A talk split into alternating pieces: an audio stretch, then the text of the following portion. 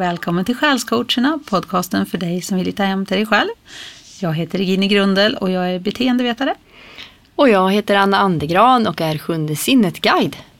Och idag så tänkte vi prata lite om ovisshet bland annat. Mm. Och att eh, leva med att kunna acceptera och må bra i att man faktiskt inte vet allting.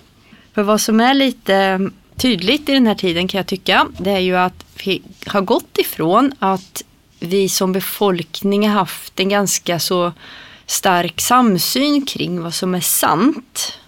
Och vi har haft vedertagna kanaler som, som vi litar på ger oss sanningen. Vi bara har förutsatt det och därmed har, har alla liksom haft en samsyn kring att det som presenteras via de här vedertagna kanalerna det är det som alla håller för sant. Och det har vi samsyn kring och inom de ramarna så kan vi vara fria och eh, tycka och tänka och diskutera men inom de ramarna. Mm. Och idag så har vi hamnat i ett läge där det kommer så mycket an, det, information från andra kanaler också som inte är lika vedertagna. Alla möjliga slags källor, mer eller mindre trovärdiga och mer eller mindre känns bra och rätt och så vidare. Men i alla fall, det kommer information från många olika håll och plötsligt så är det inte lika självklart att alla har samma syn på vad som egentligen är sant. Och jag upplever att det skapar jättemycket rädsla, oro och därigenom också ilska, frustration mot varann. Liksom så att de där är dumma som inte fattar och sådär hör man från, alla, från båda håll. Både de som fortfarande ser det som att ja men det som kommer via de här vedertagna kanaler. Det, är ju det som är sanningen och det andra är alternativ information men det kan man ju inte ta på allvar. Mm. Medan andra hävdar att ja men tänk om det finns annat som är sant och att sanningen kan komma från andra håll också.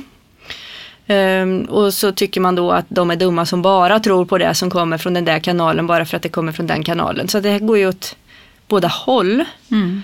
Det ehm. skapar ju en polarisering som vi har pratat om någon annan ja, gång också. Precis. Mm. Och det, det känns lite tråkigt och onödigt. Och, och, så lite oroväckande att det blir så stark så starka känslor och att vi blir så mycket mot varann i det här. Varför tror du att det blir så starka känslor? Ja, men jag, tror att, jag tror att det väcker rädslor. För att om man, om man bara tar för givet att någonting är sant och om man då överväger att någon annan har rätt som presenterar någonting som inte stämmer överens med den bilden. Så det är som att det är så mycket, det är så mycket som det drar med sig om man släpper in möjligheten att det skulle kunna vara sant. Mm. För då kanske det finns så mycket mer i ens världsbild som man också måste ifrågasätta som, som är följd av det. Mm. Eh, och då skapar det oro. Och att man kanske också, det kan också vara omtanke om varann. Mm. Att man inte, ja, man vill rädda varann från falsk information så att säga. Så ja. kan det också vara från båda håll. Mm. Ja, jag hade faktiskt en diskussion med någon om som var väldigt arg och upprörd. Men inte på mig utan på de som luras. Så här, man tycker Aha. att jag är inte arg på er som blir lurade men på de som luras. Ja, och jag kunde ju känna lite Ja, så känner jag också fast tvärtom. Ja, att ja, ja, det är ju samma sak liksom. Att jag, jag tycker ju också, fast det är kanske är du som är lurad, fast det sa jag kanske inte så tydligt, men ändå. Att ja, det är ju så. Man, man, vill, man vill hjälpa varandra ur luret så att mm. säga. Fast vi är nog alla mer eller mindre offer för att ha, ha liksom bara trott på sånt som vi har hört utan att säkert veta vad som är sant. Mm. Så att ingen har ju hela bilden och alla pusselbitar, så är det också. Men, men ehm, ja, jag, jag tror att det är viktigt att, att, komma fram till hur man kan hantera det här utan att känna sig hotad, utan att känna sig rädd. Hur kan man mm. känna ett lugn i att ja men jag kanske faktiskt inte vet vad som är absolut sant. Mm. Jag kanske inte absolut vet vem jag kan lita på eller vad vem har för agenda som den inte uttrycker öppet och klart och så vidare. Men kan jag ändå må bra i mitt liv utan att veta det? Liksom? Mm. Så. Och jag tror det handlar lite om hur mycket man har att förlora också. Ja. För har man en gång ifrågasatt allt och börjat undersöka världen på ett annat sätt, ja. från ett annat perspektiv och insett att eh, mycket av det jag trott förut kanske inte stämmer. Mm. Man har inte så mycket att förlora då. Nej. Som om man aldrig har ifrågasatt sin världsbild och alltid mm. trott på samma sak. Och så kommer någon och hotar den. Då blir det en så stor grej att förändra det man tror på. Ja. Det, det är ju en stor resa, det är en jobbig resa och den resan har vi gjort båda två. Mm. Och det är ju inget man gör med glädje. Nej. Man vill ju att det ska vara pluttinuttigt och bra i världen. Och så upptäcker man att det kanske inte är så. Och då hamnar man ju i det här att man gärna vill hjälpa andra att se samma bild som man själv har. Ja. Men det blir ju bara att den andra personen upplever sig som ifrågasatt mm. också. Så det blir ju inte bara tryggheten utan egot blir hotat med. Och det skapar ju massor med känslor. Ja. En grundrädsla för att det man trott på hela livet kanske inte stämmer. Mm. Som skapar otrygghet. Och sen en känsla av att bli ifrågasatt. Och mm. inte ja, trodd. Ja. Att man inte har koll. Man kanske inte vet. Det, det skapar mycket känslor. Ja, ja, det gör ju det. Men hur kan man mötas i det här då, tänker du? Ja, men jag tror att det är viktigt att på något vis ändå acceptera att det finns många olika sätt att se på det mesta. Att det inte är absolut svart eller vitt utan hur man ser på någonting beror ju på allt det man har varit med om hittills och vilken information man känner till och inte känner till och så vidare. Mm. Och att, ehm, ja, att man inte är för fast i att tro att man faktiskt vet allting utan att man är lite öppen och ödmjuk inför att det finns mycket man inte vet. Mm. Och det man tror sig veta är ju sånt till stor del sånt man har hört eller läst eller sett eller blivit sagd. Eh, en del vet man kanske med direkt upplevelse, att man själv har haft upplevelsen av någonting som sant och då är det sant för en. Men väldigt mycket blir vi ju lärda mm. av andra. Att vi blir talade om för att så här är det och sen mm. köper vi det och sen mm. håller vi det för sant. Ja. Tror du också att den här längtan vi har efter trygghet och att vi ska kunna förutsäga vad som ska hända imorgon också gör att vi gärna håller oss till de gamla trygga källorna för att det skapar också en trygghet, att, eh, en trygghet framåt i tiden också. Ja, det är möjligt. Det, ja, kanske.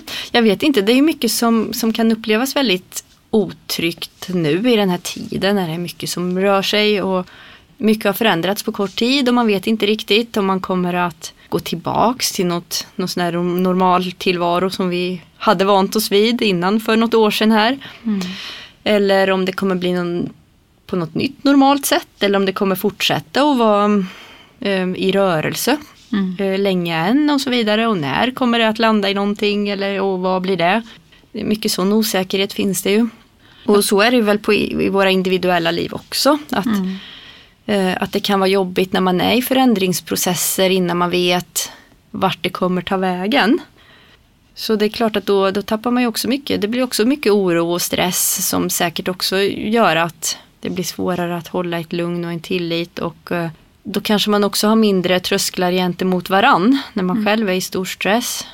Och det är lätt att kanske ta ut saker på andra och rikta försöka hitta vems fel det är, att saker är som det är och ja, så vidare. Alltid en syndabock. Ja, mm. precis. Mm. Men tror du att äh, den här idén om att det ska gå tillbaks till det normala som det var innan. Mm. Tror du att det är en illusion? Tror du att det är möjligt att vi kommer tillbaks till precis som det var innan? Eller tror du att det kommer förändras? Ja, alltså jag tror att det är en illusion därför att allt alltid är i förändring och det har väl aldrig någon gång hänt i något av våra liv om vi tänker efter och är ärliga mot oss själva att vi har hamnat i exakt samma igen som vi har varit i tidigare. Det kan vara liknande men det blir aldrig riktigt samma för allt är i förändring hela tiden. Mm. Och det är väl också en illusion att vi kan kontrollera och veta vad som ska hända. För att innan det här stora stöket bröt ut så kanske man kunde leva i illusionen av att man trodde sig veta hur livet skulle vara om ett år, om tre år, om fem år, om tio år. Mm. Vad vet jag, men det visste vi ju inte då heller. Utan det var ju bara i våra sinnen som vi kunde tro och tänka att det var så. Mm. Utan man har ju aldrig riktigt den kontrollen eller den vetskapen om hur hur framtiden kommer se ut, varken i våra personliga liv eller i, i världen.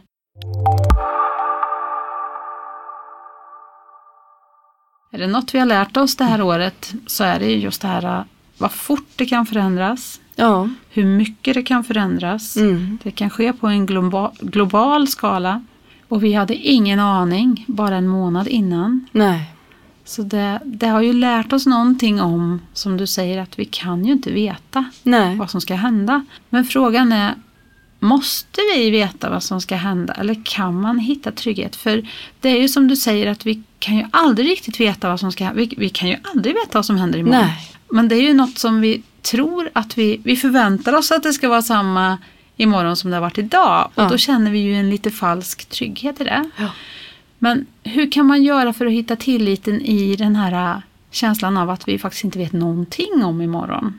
Ja, det är väl... eh, Det är inte så lätt. Det är en jättebra fråga. Ja. Eh, Jag tror ja, man behöver ju på något vis acceptera den tanken till att börja med tror jag. För så länge man strävar efter att kontrollera och styra så kanske det är mer skrämmande när man tappar den kontrollen. Även fast man egentligen aldrig hade den men man trodde att man hade den så är det skrämmande att förlora den. Men om man inser till fullo och accepterar liksom att nej men jag kan faktiskt inte veta och jag kan inte styra och kontrollera allt. Då har man inte så mycket annat att vända sig till än, än nuet och sig själv här och nu. Mm. Och jag tänker ibland när, när det känns kaotiskt att ja men hjälper det mig att veta eh, om det är bra eller dåligt om ett år? Mm. För jag tänker att om, om jag skulle veta nu i den här osäkra situationen jag är i att om ett år så är allt frid och fröjd. Då kanske det skulle hjälpa mig att slappna av nu och trots att det är kaos och stök så kan jag slappna av och veta att ja men det kommer ordna sig. Så jag behöver inte känna stress nu heller. Det är bara att segla igenom det här. Men du kan också bli inaktiv av det. Eh, Det skulle kunna hända, absolut. Men om jag visste då att ja, men om ett år då är det riktigt misär mitt liv. Allt kommer gå emot mig nu det närmaste året och jag kommer vara på verkligen botten om ett år. Ja, men då kanske jag ska passa på att njuta medan jag kan här och nu istället. Då kan man ju se det så. Att, men då, Alltså så, så tänker man kanske inte utan det skapar förmodligen massa oro och stress. Men om man ska hårdra det, om man hoppar fram ett år då kanske man om ett år kommer tycka att ja men för ett år sedan då skulle jag ju verkligen tagit vara på stunden och njutit allt jag kunde varje dag. Av att det var så. Alltså så, så egentligen vad, spel, alltså, vad spelar det för roll höll jag på att säga. Det är klart det är trevligare om det är bra om ett år än om det är dåligt om ett år. Men men ändå här och nu har jag ju bara här och nu. Och varför inte ta vara på det efter bästa förmåga utifrån det som är nu. Mm. Ja, precis. Sen funderar jag ju på om vi får veta svar om framtiden. Styr inte det våra val? Blir det inte självuppfyllande profetier och grejer som kanske inte var syftet från början? Det kan ju bli, ja. För det är ju att... Jag tycker att det är att låsa den fria viljan lite. Att få en bild av framtiden. För då säger det så här blir det och inget annat. Mm. Och då är min fria vilja borta på något sätt. Och den känslan tycker inte jag om alls. Nej. Jag vill jobba i nuet, jag vill jobba här. Mm. Sen är det klart att man kan känna in hur riktningen framåt är ibland. Mm. Men aldrig något som är hugget i sten eller några klara svar. För jag tycker inte om att bli styrd så. Nej. Sen hoppas jag såklart att mitt hus står kvar imorgon. Mm. Och att min bil startar och allt det där som man förväntar sig Ja. av det ena och det andra. Och mycket av det kommer ju vara kvar såklart, förhoppningsvis. Men det här att styra en, en idé om framtiden, alltså om vi matar hjärnan med en idé om framtiden Ja. så kommer vi omedvetet agera därefter. Ja, visst är det så. Och då kanske vi faktiskt missar andra möjliga vägar in i framtiden. Mm.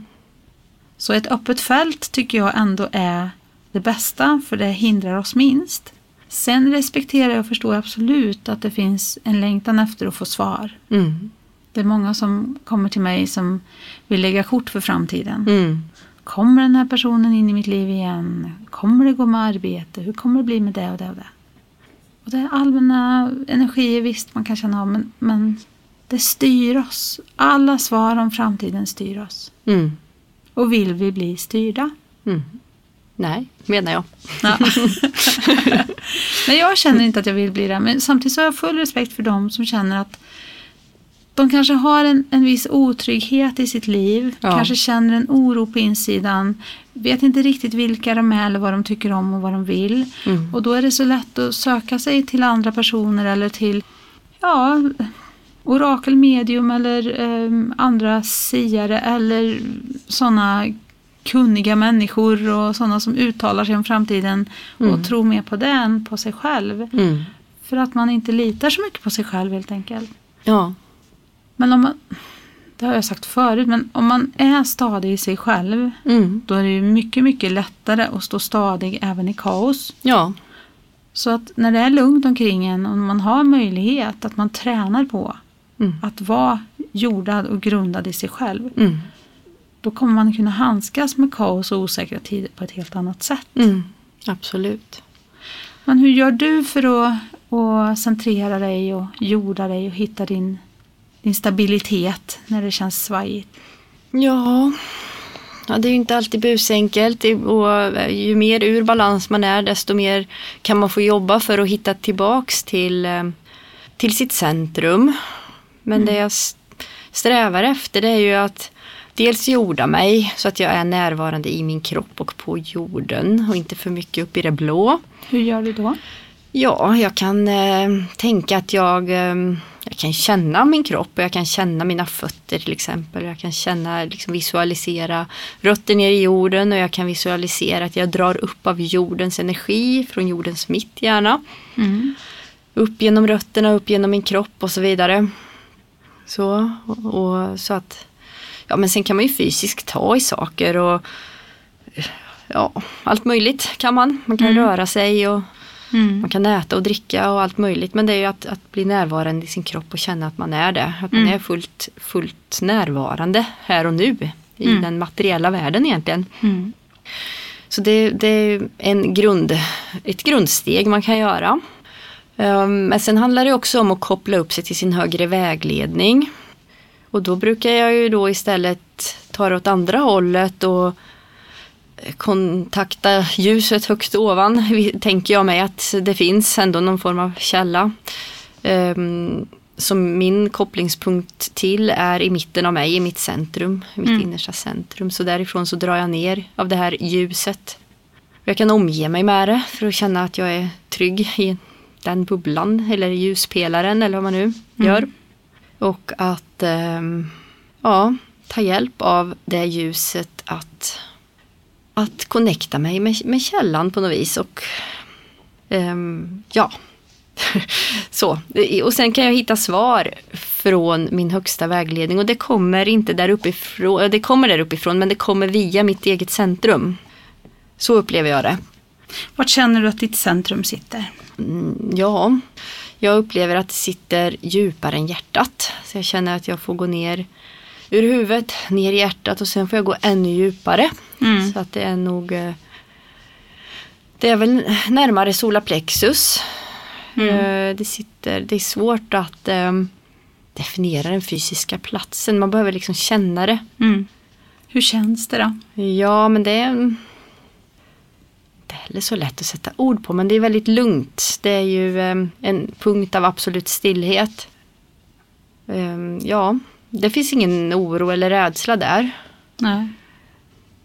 Och därifrån så kan, eh, ja, jag brukar ju känna in eh, så här, ja och nej frågor. Så det är det jag har övat på genom åren, att liksom känna hur känns mitt ja och hur känns mitt nej där i centrum. Mm. Eh, hur känns ja, rätt och fel för mig här och nu.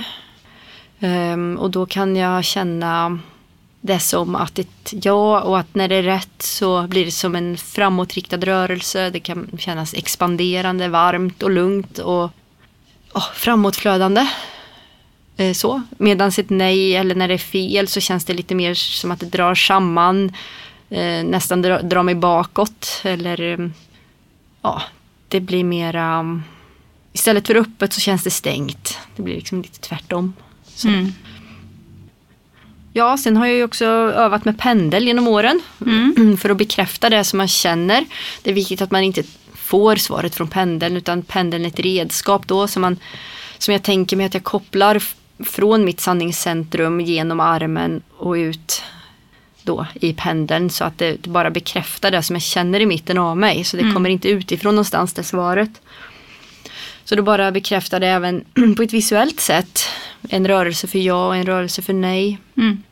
Och det här har jag också genom att jobba med pendeln då även lärt mig att se andra rörelser lite grann. Att man kan få att nej men det är inte rätt tid att fråga nu till exempel. Eller um, fått förtydliga frågan lite eller alltså det blir lite mer nyanserat så. Mm. Uh, så det finns ju olika sätt. Mm. Jo, jag använder ju också pendeln så. Ja. Det känns ungefär likadant för dig som för mig tror jag. Ja. Jag använder ungefär samma, samma metoder och samma, jag har ungefär samma känsla av vart mitt centrum är och hur det fungerar och så. Men jag, jag funderar lite på, har du, har du några exempel på någon gång när du har bytt ifrån den här oroliga känslan och så har du hittat den här tilliten, kraften, centreringen i dig Mm. och kunnat förändra en situation tack vare det? Mm. Ja, det finns olika sådana tillfällen. Det första jag tänker på när du ställer frågan på det sättet var när jag sa upp mig från ett jobb för, kan det vara ett år sedan? Nej, det är mer. Ett och ett halvt år sedan kanske. Eh, för då kände jag att, ja, det, det, det krävde mer av mig än vad jag mådde bra av. Det, det kostade mer än det smakade så att säga. Det, jag mådde inte helt bra i den jobbsituationen. Eh, Och jag kände, jag har ju varit i väggen en gång och sådär så jag kände att jag vill inte gå den vägen igen. Det är inte värt det. Och det är inte, ja, alltså det kan vara värt det. Det var värt det den gången när jag gjorde det. Men i alla fall, den här gången kände jag att nu är det inte rätt tid, plats och orsak för mig att göra den resan igen. Utan nu, nu är det bättre att sätta en gräns och ha, ha lärt mig någonting utav det kanske. Och bestämma att det är viktigare hur jag mår än, än att den lönen kommer in. Liksom. Utan att eh, jag får lita på att jag har ändå kapacitet med mig och jag behövs på fler ställen och jag kommer hitta någon, något annat stans att verka och så vidare. Det kommer ordna sig även fast jag inte vet hur än. Så jag sa upp mig utan att ha någonting nytt klart. Mm, Från ett tryggt och bra jobb sådär. Mm. På många sätt. Och det gjorde att jag kände mig väldigt stark och fri. Att jag vågade ta ett sånt beslut. Och, och jag vågade ta det just för att jag eh, kunde känna in att det var rätt sak att göra. Det var rätt tid, plats och orsak att faktiskt ta det steget. Eh, och innan man tar ett sånt, innan jag vågade ta det stora och tydliga steget som, som kan ha potentiellt stora konsekvenser ändå och för fler än mig. Om man har familj och så. Eh, så tog jag ju också in hjälp med att bekräfta det svaret. Säkert av dig. Ja, vi brukar hjälpa Ja. varandra med sånt. Precis, och det är ju också jätteskönt att kunna göra det om man känner sig osäker, om man har någon man litar på, vars magkänsla man litar på. Eh, Så kan man ju be om hjälp att nu har jag känt in ett svar här, kan du hjälpa mig att kolla om, det, om jag känner rätt, liksom, om jag har hittat rätt svar.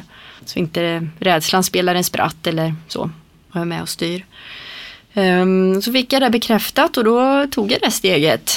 Eh, Och sen kanske det ur världens ögon sett inte ser ut som att ja, men det här blev ju succé, det gick ju bra allting. Eh, För ibland så är, är ju de här Själens vägledning kan ibland leda en på lite krokiga vägar och det kan ta, ta turer som man inte var beredd på från början. Och det handlar igen då om att inte veta i förväg hur framtiden blir. Mm. Ehm, och att även när, när det kan te sig krokigt och man inte alltid förstår hur det blev bättre så, så blir det på något vis det ändå. För det var viktigt för mig att kunna ta det steget och stå upp för mig själv. Och idag har jag ju faktiskt ett liknande jobb igen. Men känslan i det är helt annorlunda, energin i det är helt annorlunda. För jag känner att jag har valt det själv. Att jag väljer själv att vara där. Och jag gör det mer på mitt sätt än vad jag gjorde då. Mm. Du är fri. Ja, det är på ett annat sätt. Så det, det kan se ut som att det är ungefär samma. Men det är inte riktigt samma för mig. För det är inte rätt orsak på något vis. Det, mm, svårt att förklara riktigt bra. Men Jag tyckte du gjorde det jättebra. ja, tack. ja. Har du något bra exempel? Eh, Det starkaste tillfället som jag tänker på det var nog precis i början när jag verkligen började lita på magkänslan och att jag kunde lita på den. Alltså släppa den här tilliten till magkänslan. Mm. Det var, handlade också om ett jobb. Mm. För jag skulle byta jobb. Men jag kände så här, ska jag verkligen eller ska jag låta bli? Är det här rätt väg? Mm. Och då så slutade jag helt enkelt att vela i huvudet. Mm. Och så tog jag min andetag och hittade mitt centrum och använde också pendeln då. Och så frågade jag om det var rätt tid, plats och orsak och eh, söka mig till ett annat jobb. Mm. Och egentligen ville inte mitt huvud det. Jag, jag ville inte det egentligen. Men Nej. jag skulle ändå fråga, åh det skulle jag. Mm. Och då insåg jag att nu kan jag lita på min magkänsla för den svarar inte det jag egentligen ville att den skulle svara. Mm. Utan något annat. Mm. Och det var nog första gången jag riktigt kastade mig ut i tillit utifrån ett sånt svar. Mm. Fast hjärnan hade inte riktigt hunnit med än. Den Nej. var inte där än. Men det var ett så tydligt exempel på när hjärnan velade och var orolig och tänkte hur ska det bli. Och sen så när jag hade fått mitt svar då lugnade sig allt och så blev jag så här, det ska vara så här nu. Mm. Okej. Och då blev det ju att jag jobbade där en period. Mm. Och det var det jobbet som fick mig att ett och ett halvt år senare ta ett ännu större beslut Mm. och hoppa av. Alltså bara säga upp mig utan att ha något annat jobb ens. Mm. Och dessutom flytta. Mm. Och allt det här var ju då att jag lyssnade på min magkänsla även i de besluten och kunde lita på det. Men det där första beslutet, det var så viktigt för att det fick mig att känna tillit till magen, eller min, mitt centrum, min, mitt svar där. Mm. Och följa det. Och inte låta oron, alltså det blir lugnt. När jag hade frågat och fått bekräftat så var det lugnt. Ja. Och det var en så stor skillnad på det här innan. När man går och funderar och tänker och Åh, hur ska det bli och vad ska jag göra? Ja. Och sen får man ett tydligt svar så här. Mm. Det här är rätt väg för dig om du vågar och vill. Mm. Och så bara okej, jag litar på det. Och då Mm. kan man släppa oron och Mm. rädslan. Och då spelar det ingen roll hur det blir heller. Nej. För då vet man att jag följer mitt flöde här nu. Jag följer min sanning. Ja. Och då kan jag slappna av och bara leva den. Och sen när det är, jag försöker göra det i vardagliga beslut också, men särskilt när det är större beslut. Mm. Då använder jag alltid den här metoden. Mm. För att känna in, vad är rätta vägen, vad är sanna vägen för mig? Hur ska jag gå framåt? Mm. För det är egentligen det enda man kan veta. För ibland så behöver vi ju, som vi har pratat om ibland, ibland behöver vi även lite tuffare upplevelser. För, Mm. att, för vår utveckling och tillväxt och sånt vi ska lära oss och, och sådär. Mm. Så om vi följer en sån här inre känsla av att det här måste jag göra eller det här behöver jag göra nu, det här är rätt för mig att göra nu. eh, Så oavsett utkomst så, så känner jag i alla fall tillit till att det blir rätt. Oavsett hur det blir, Mm. oavsett hur det ser ut och, och så. Ja, Så blir det liksom ändå rätt för mig och min väg genom Mm. det här livet. Så. ja, man vilar i tillit på något sätt. När man har frågat sitt centrum och fått ett klart svar. Mm. Då kan man vila i tillit att det här är rätt. Ja. Jag behöver inte hålla på och fundera på det här mer. Nej. Det är rätt. Jag Ja. kan följa den vägen. Ja. Och då släpper så mycket spänningar och oro också. Oh ja, verkligen. Så att jag önskar ju att alla människor kunde ha det här redskapet. Alla har ju det redskapet men Mm. att vara medvetna om det. Mm. För jag undrar, jag leker ibland med tanken hur världen skulle se ut om alla följde den där innersta sanningen. Jag tror det skulle vara väldigt bra. Ja, och det, det är väl säkert en utopi. Men eh, det är en spännande tanke att leka med. Absolut. Vad skulle människor göra om de verkligen följde sin innersta sanning? Skulle Mm. de jobba där de jobbar? Skulle det vara i relationerna de är i? Mm. Skulle de eh, vara kreativa på ett annat sätt? Mm. Sku- hur skulle deras umgängeskrets se ut? Mm. Vad skulle de göra för, för världens högsta? Alltså hur skulle det se ut? Ja. ja, det är nästan svårt att föreställa sig. Men Ja. eh, det är spännande. Ja, för målet är ju såklart att kunna leva så och jag försöker göra det. Mm. Men det är ju, det är ju en svår, svår grej att göra i våran värld också och följa sin sanning fullt ut. För den Ja. är ju inte anpassad efter det om vi ska vara ärliga. Nej, vi, så är måste ju. vi är ju begränsade av saker och ting. Ja. Vi måste ha en inkomst, vi, vi måste bo någonstans. Ja. Vi har förväntningar omkring oss både socialt och i andra relationer nära Mm. oss och sådär. Och vi är på en utvecklingsresa också allihop tror jag. Det är väl också en del anledning till att vi alls är här tror jag. Ja, det tror jag också. Så ja, nej men det är spännande för, för egentligen så är ju det enda vi behöver veta är ju här och nu. Även om det, det kan ibland kännas, kännas upp tryggare att tro sig veta vart beslut jag tar nu leder till sen. Men, men egentligen så är det enda jag kan veta och känna in och styra över det är ju mina val här och nu. Så det, det, känns, det, det känns viktigt att landa hem sig varje dag. Även om man inte kan vara där hela tiden så kan man i alla fall någon gång under dagen ta några andetag och landa hem i sitt centrum. Så att man övar på det här regelbundet. För det man gör varje dag får ju ändå stor effekt på sikt. Mm. Att man blir bättre och bättre på det i fler och fler situationer. Man kommer ihåg det allt oftare, att kolla av med Mm. centrum innan man rusar iväg. Ehm, mm, Och man kan ju även använda den här magkänslan när man vill sätta intentioner för framtiden. För det är ju, Mm. även om man ska leva i nuet och vara här och nu, så är det inget som hindrar att man sätter intentioner. Det är ju till och med bra. Ja, visst. Alltså vart man, vart man vill rikta sig. Ja. Men om man då grundar det här först och främst i sitt centrum. Mm. Så att man sätter intentioner som är bra för Ja. en. Och som riktar en åt rätt håll. Absolut. Så kan man ju genom att skicka energi till intentionen och, och rikta sig mot det hållet också Mm. ha en större möjlighet att manifestera en sån verklighet. Och det är ju det vi har pratat om flera gånger här att det är ju kanske det vi ska göra i våran värld nu. För att vi har ju kanske alla en idé om hur vi vill att världen ska vara. Mm. Förhoppningsvis så innefattar det här respekt och kärlek och, och sanning. Mm. Men att man då känner in med sin, sitt centrum. Vad är det för energi jag vill skicka? Va, vad vill jag skicka energi till? Mm. Och så att man gör det tydligt. Ja. Liksom, vad får jag? Vad, vad är rätt för mig att skicka till? Och Ja. hur kan jag göra det i så fall? Ja. Ska jag vara i mitt lilla nätverk och jobba där? Eller ska jag tänka att jag skickar energi till jorden? Som du och ibland är jag med på det också. Skickar varje måndag. Mm.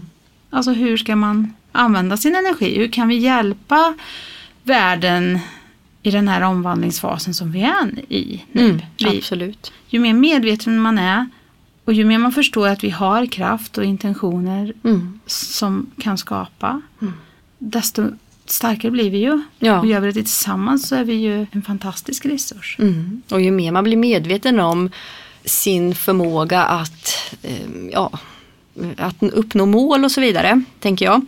Desto mer vaknar i alla fall hos mig också en känsla av ansvar. För ju mer jag märker att jag kan faktiskt påverka hur saker blir, desto mer vill jag ju påverka så det blir till bra och gärna för fler än mig själv. Mm.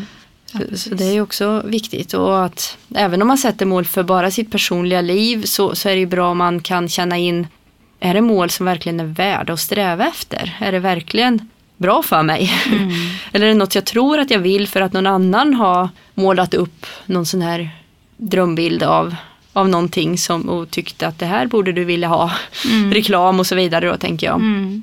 Ehm, eller är det någonting som jag verkligen längtar efter innerst inne och som Mm. skulle bli bra? Det är därför det är så bra att checka med sitt centrum. Mm. För då kommer man ju inte på avvägar. Nej. Utan då blir det ju intentioner som är för det högsta bästa. Eller också får man svaret att du ska inte sätta några intentioner nu. Du ska leva i nuet och fokusera på det. Och bara släppa tilliten och vara. Mm. Det, det beror ju på vad man behöver egentligen. Mm. Vad jag också har märkt är att om man sätter så här ganska höga och, och, och fina intentioner och mål för sitt liv så kan det dra med sig att saker börjar hända kortsiktigt som kan verka stökigt, som kanske verkar gå emot en till och med. Mm. Men som man så småningom kan förstå att det behöver faktiskt hända för att om jag ska ha det där stora målet som är ganska långt från vart jag är nu så behöver ju saker trots allt förändras och skakas om och Mm. förändras. Eh, Så då får man liksom hjälp med att en del saker behöver kanske bort ur ens liv Mm. för att komma dit och så vidare. Och så tror jag ju att det är på världsnivå också. Och när vi är många som börjar drömma och längta efter en värld som är bättre för fler. eh, Då, då behövs det stora förändringar. Mm. Och då behöver en del saker skakas om och Mm. kanske försvinna, rivas ner. Mm. En del kan inte fortsätta att fungera så som det har fungerat för att, ja, för att komma till det här bättre läget. Så Mm. vi är många som, som tänker oss och håller den visionen av en, en bättre värld för fler, Mm. förhoppningsvis för alla. Eh, Så då behövs det lite kaos och tumult för att förändra från där vi har varit tills dit vi är på väg. Så att, ja, och då, då kan man även där tycker jag finna lite större lugn i tider av kaos och stök. Om man Mm. kan se det som och lita på att det behöver vara så som en del i en förändringsprocess. På väg mot syfte. någonting bättre. Det har ett syfte ja. Mm. Ja, det, Mm. det är en bra tanke för det, det skapar ju lugn att det är nog stormigt just nu för att det ska Mm. bli bättre sen. Ja, Mm. Sen behöver man ju fortsätta att ta ansvar för för det man kan. Mm. Men man kan ju inte ta ansvar för allt som alla gör och hur världen är där ute. Och är det jättestökigt så kan det hjälpa en att känna ett större lugn om man kan se det på det viset tycker jag. Mm. Mm. Jo, det tycker jag med. Och jag tror världen behöver ett större lugn.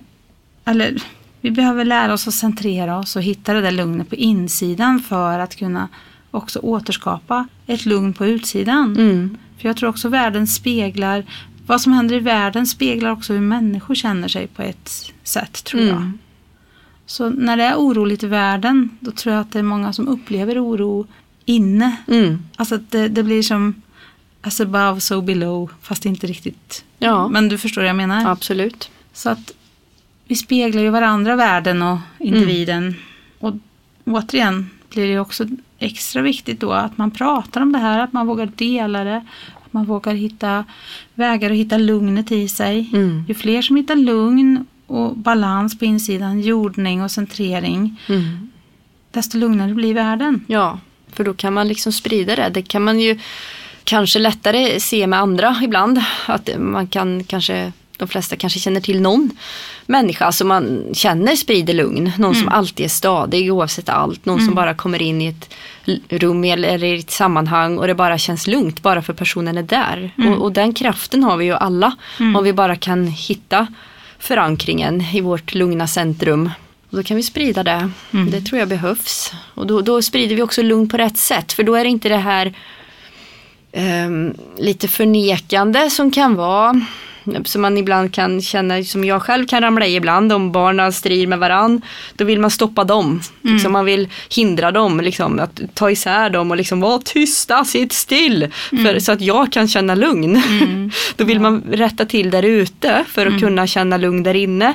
Men det är inte hållbart. Liksom, det, det är bättre att hitta lugnet inifrån och lugna inifrån och ut. Och det är inte busenkelt jämt men jag tror att det är det vi behöver jobba med och sträva efter så mycket som vi förmår.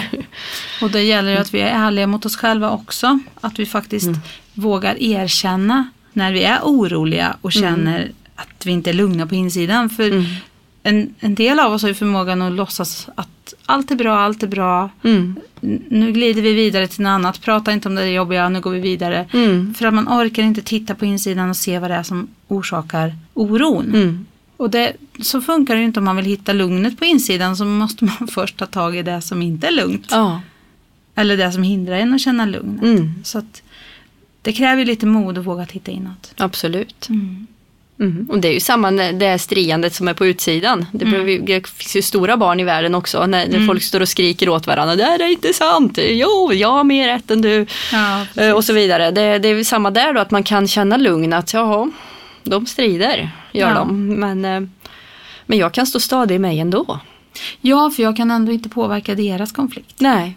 Jag kan skicka den energin jag vill ha i världen inifrån mig. Ja. Men det, det är liksom, man måste också se vart jag kan bäst lägga min kraft. Ja. Så man inte tappar energi och kraft på saker som, som man ändå inte kan förändra. Nej, precis. Mm. Mm. Det var mycket klokt och djupt det här Anna. Ja, det var väldigt. Ja. Tänk. Man vet aldrig riktigt i förväg vad vi kommer att prata om och vart det ska ta vägen riktigt. Nej, men det är spännande varje gång. Ja.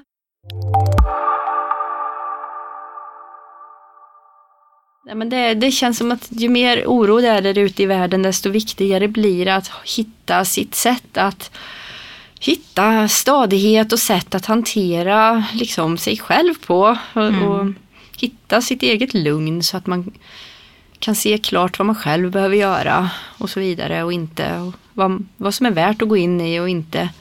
Mm. Och det är inte fel att ta hjälp av andra för att hitta sitt lugn också. Nej. För jag, de här personerna du pratar om som sprider lugn. Mm. Om man har svårt att hitta sitt eget centrum, sitt eget lugn. Om man tar hjälp av en sån person. Mm. För det är oftast lättare att hitta lugnet tillsammans med någon annan om man själv är lite svajig. Ja. Om den andra är lugn då förstås. Mm, mm. Så man kan börja hos den personen Mm. och hitta lugnet i sig tillsammans med en annan lugn person. Ja. Och träna på hur det känns. För vet man bara hur känslan känns när Mm. det är riktigt lugnt och stabilt. Man hittar den där kärnan som du pratade om. Mm. Där det är stilla och lugnt.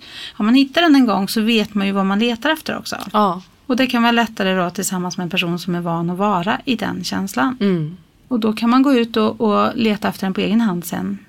Eller söka hjälp igen hos den personen om det känns så. Mm. Så att eh, de är väldigt värdefulla de här stabila människorna som bara är där, Ja. är på plats. Precis. Som man kan luta sig mot lite när man behöver och Ja. för att hitta hem själv. Ja. Och sen kan man gå ut och så blir man starkare. Det är som att träna. ja, det är det. Blir Det är man som starkare och starkare. Till slut så är man den personen som andra söker upp Ja. för att få lugn. Man behöver nog träna, jag tycker det är viktigt att träna regelbundet em, hemma på kammaren medan det inte är så mycket som stör. Att man tränar på att hitta sitt centrum Mm. av stadighet. För ju mer man tränar som sagt var desto mer kan man ta med sig den känslan ut när man möter andra, när man möter den kantiga världen, när man klarar att stanna kvar i allt stökigare situationer, i allt fler situationer under allt längre tid.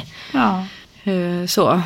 Och det finns ju olika metoder. Alltså ta hjälp av andra människor eller meditation eller Mm. bara att gå i skogen och vara närvarande eller Mm. vad man vill använda för teknik. Det är ju upp till en, Det brukar dyka upp där man, där man får hjälp av brukar dyka upp när man är öppen för det. Ja. Så det gäller bara att se det. Mm. Så det är spännande att vara i den där uh, centrumkänslan. Ja visst, ja men det är mycket värt är det.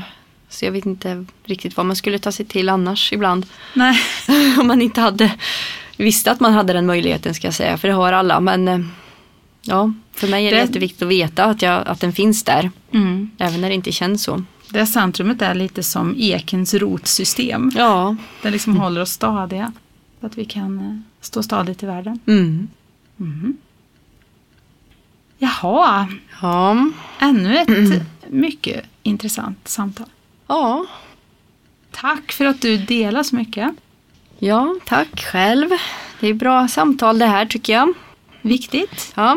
Och där, man kan ju inte prata tillräckligt mycket om det här med att hitta hem till sig själv, hitta tilliten och allt det här. Mm. Men eh, jag hoppas att vi kan inspirera andra och våga göra den resan. Mm.